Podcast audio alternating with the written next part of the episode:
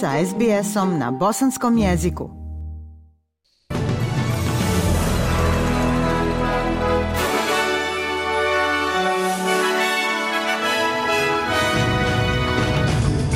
U današnjim vijestima poslušajte, Anthony Albanizi sastao se s Mary Doyle nakon njene pobjede na bandrednim izborima. Trump putuje u New York na suočavanje s krivičnim prijavama i u sportu Edin Džeko pregovara s Interom o produžetku ugovora. Nova poslanica laburista rekla je da je počastvovana što je ostvarila historijsku pobjedu i obećala da će svoju zajednicu uvijek staviti na prvo mjesto. Mary Doyle je jučer neočekivano osvojila biračko tijelo Aston u istočnom Melbourneu, što je prvi put da je vlada dobila mjesto od opozicije na dopunskim izborima. Gospođa Doyle je obećala da će krenuti na teren. And I promise Obećavam svakome od vas, bez obzira da li ste glasali za mene ili ne.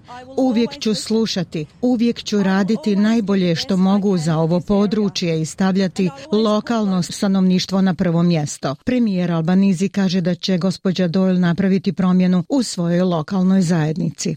Mary Doyle's compassion Saosjećanje, dostojanstvo i uobičajena pristojnost Mary Doyle su blistali tokom kampanje. Ona želi napraviti promjenu kao članica Alstona i apsolutno sam siguran da će Mary Doyle to i uraditi. A opozicioni lider Peter Dutton rekao je za ABC-ev Insiders da će liberalna stranka proći kroz samopropitivanje. Imamo puno posla, a ja prihvatam odgovornost kao lider stranke. Sada je pitanje kako da se obnovimo, politike koje imamo, obnovu brenda koju treba da uradimo u Viktoriji. Mogu reći da me čini još odlučnijim da obnovim ovu stranku i budem u pobjedničkoj poziciji do 25. godine. Laburistički stambeni fond vrijedan više milijardi dolara mogao bi biti oživljen kasnije ove godine nakon što je ministar ministar Savezne vlade obećao da će nastaviti s pregovorima. Zakonsku formulaciju za osnivanje fonda odbacilo je vijeće Senata, primoravajući vladu da odustane od svog plana usvajanja tokom prošlosedmičnog zasjedanja parlamenta. Ministar industrije Ed Husić, koji se pojavio u Skies Agenda, kaže da je uporan da vlada ne odustane i da je još uvijek fokusirana na rješavanje problema pristupačnosti socijalnim stanovima. Veoma smo fokusirani na rješavanju pristupačnosti socijalnim stanovima, posebno onima s niskim primanjima, na mogućnost da pomognemo drugima da osiguraju smještaj kao i buduća sredstva za rješavanje stambenog pitanja. Veliki dio toga će biti kao što smo to učinili s Nacionalnim fondom za rekonstrukciju, kao što smo radili sa zaštitnim mjerama, radit ćemo s drugim parlamentarcima, sa zelenima, sa nezavisnima, ako su voljni, a mi smo spremni raditi s njima. Mladi ljekari u regijama Novog Južnog Velsa bit će među hiljadama studenta zdravstva koji imaju pravo na stipendiju od 12.000 dolara od 24. ako se obavežu da će raditi u državnom javnom zdravstvu pet godina. Ova vladina inicijativa ima za cilj smanjiti broj mladih diplomaca koji napuštaju zdravstvo u Novom Južnom Velsu. Program će podržati do 850 medicinskih sestara, 400 ljekara lekara kao i bolničare i fizioterapeute. Danas će se održati protestni skupovi širom zemlje na kojima se poziva Savezna vlada da odobri trajne vize izbjeglicama koje su trenutno u sivoj zoni. Iako je vlada nedavno odobrila vize za stalni boravak za 19.000 azilanata koji su bili na privremenim vizama, nije se pozabavila pitanjem 12.000 drugih izbjeglica i azilanata. Prema podacima Vijeća za izbjeglice Australije, oko 10.000 izbjeglica čiji su zahtjevi odbijeni u skladu sa ubrzanim procesom prethodne vlade trenutno su na bridging vizama ili im je istakao rok. 20 skupova će se održati u Sidneju, Kamberi, Melbourneu i Brisbaneu. Donald Trump postaje prvi bivši predsjednik Sjedinjenih država koji će se suočiti sa krivičnim prijavama u slučaju tajne isplate novca 2016. porno zvijezdi Stormy Daniels. Njujorski sudija je ovlastio okružnog tužioca Manhattana Alvina Braga da objavi optužbe. Trump planira u ponedeljak odletjeti u New York prije nego što se pojavi na sudu rano u utorak po lokalnom vremenu. Uprkos optužnici, Trump je pozvao svoje pristalice da doniraju novac za njegovu predsjedničku kampanju. Našu predsjedničku kampanju oduvijek su financirali patrioti iz naroda poput vas. Vaš današnji doprinos će pokazati ljevici da ništa ne može uništiti najveći politički pokret u historiji. 6 miliona australskih dolara donirano je u toku 24 sata nakon podizanja optužnice protiv gospodina Trumpa. Sistem oluja probio je jug i srednji zapad Sjedinjenih država, izazvavši nevrijeme i tornada koji su uništili kuće i trgovačke centre u Arkansasu, srušili krov pozorišta u Illinoisu i napravili udar u ruralnoj Indijani.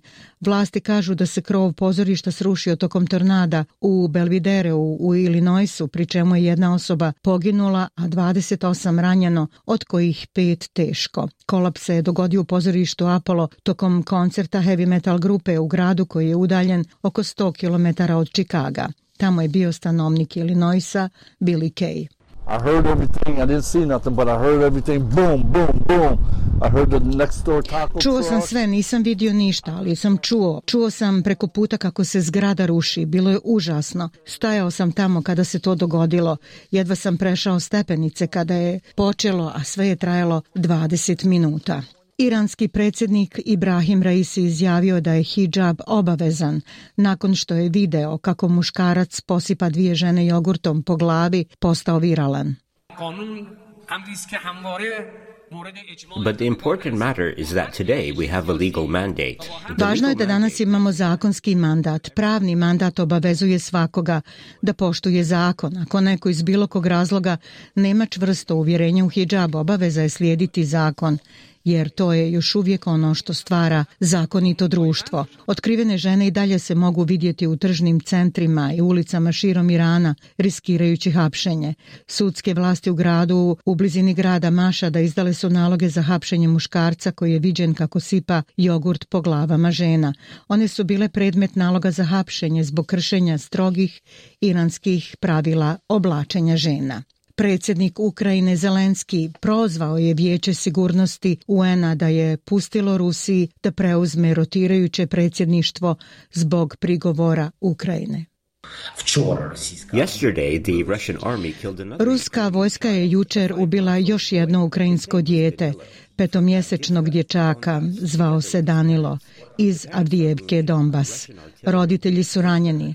Ruska artiljerija, jedan od stotinu artiljerijskih napada koje teroristička država izvodi svaki dan, a u isto vrijeme Rusija predsjedava Vijećem sigurnosti UN-a. Teško je zamisliti da išta više dokazuje potpuni bankrot takvih institucija.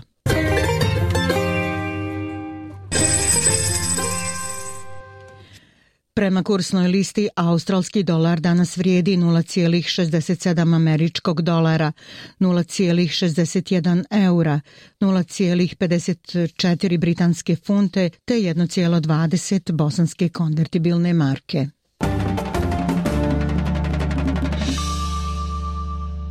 I vijesti sporta. Kapitena reprezentacije Bosne i Hercegovine Edina Džeku, turski klubovi Fenerbahče i Galatasaraj žele vidjeti u svojim redovima. Džeko i Inter su u pregovorima. Obje strane žele produženje saradnje, ali su u mediji pisali kako Inter nudi 4 miliona eura za sezonu, dok Džeko insistira na 5 miliona. Dva turska velikana, Fenerbahče i Galatasaraj, nadaju se da Džeko neće dogovoriti produženje jer oba kluba žele BH napadača u svojim redovima. Džeko, kojem ugovor sa Interom važi do 30. juna, ove sezone je ukupno odigrao 38 utakmica u svim takmičenjima, dao 11 golova i pet puta asistirao.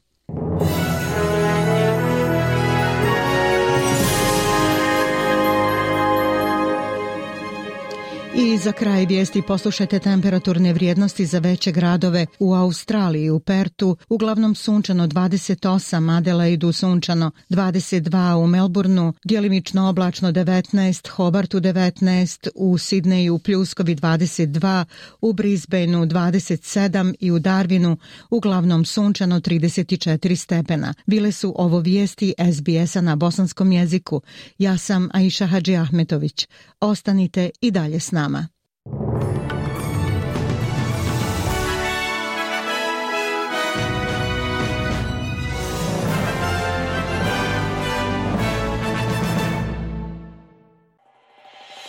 SBS na bosanskom.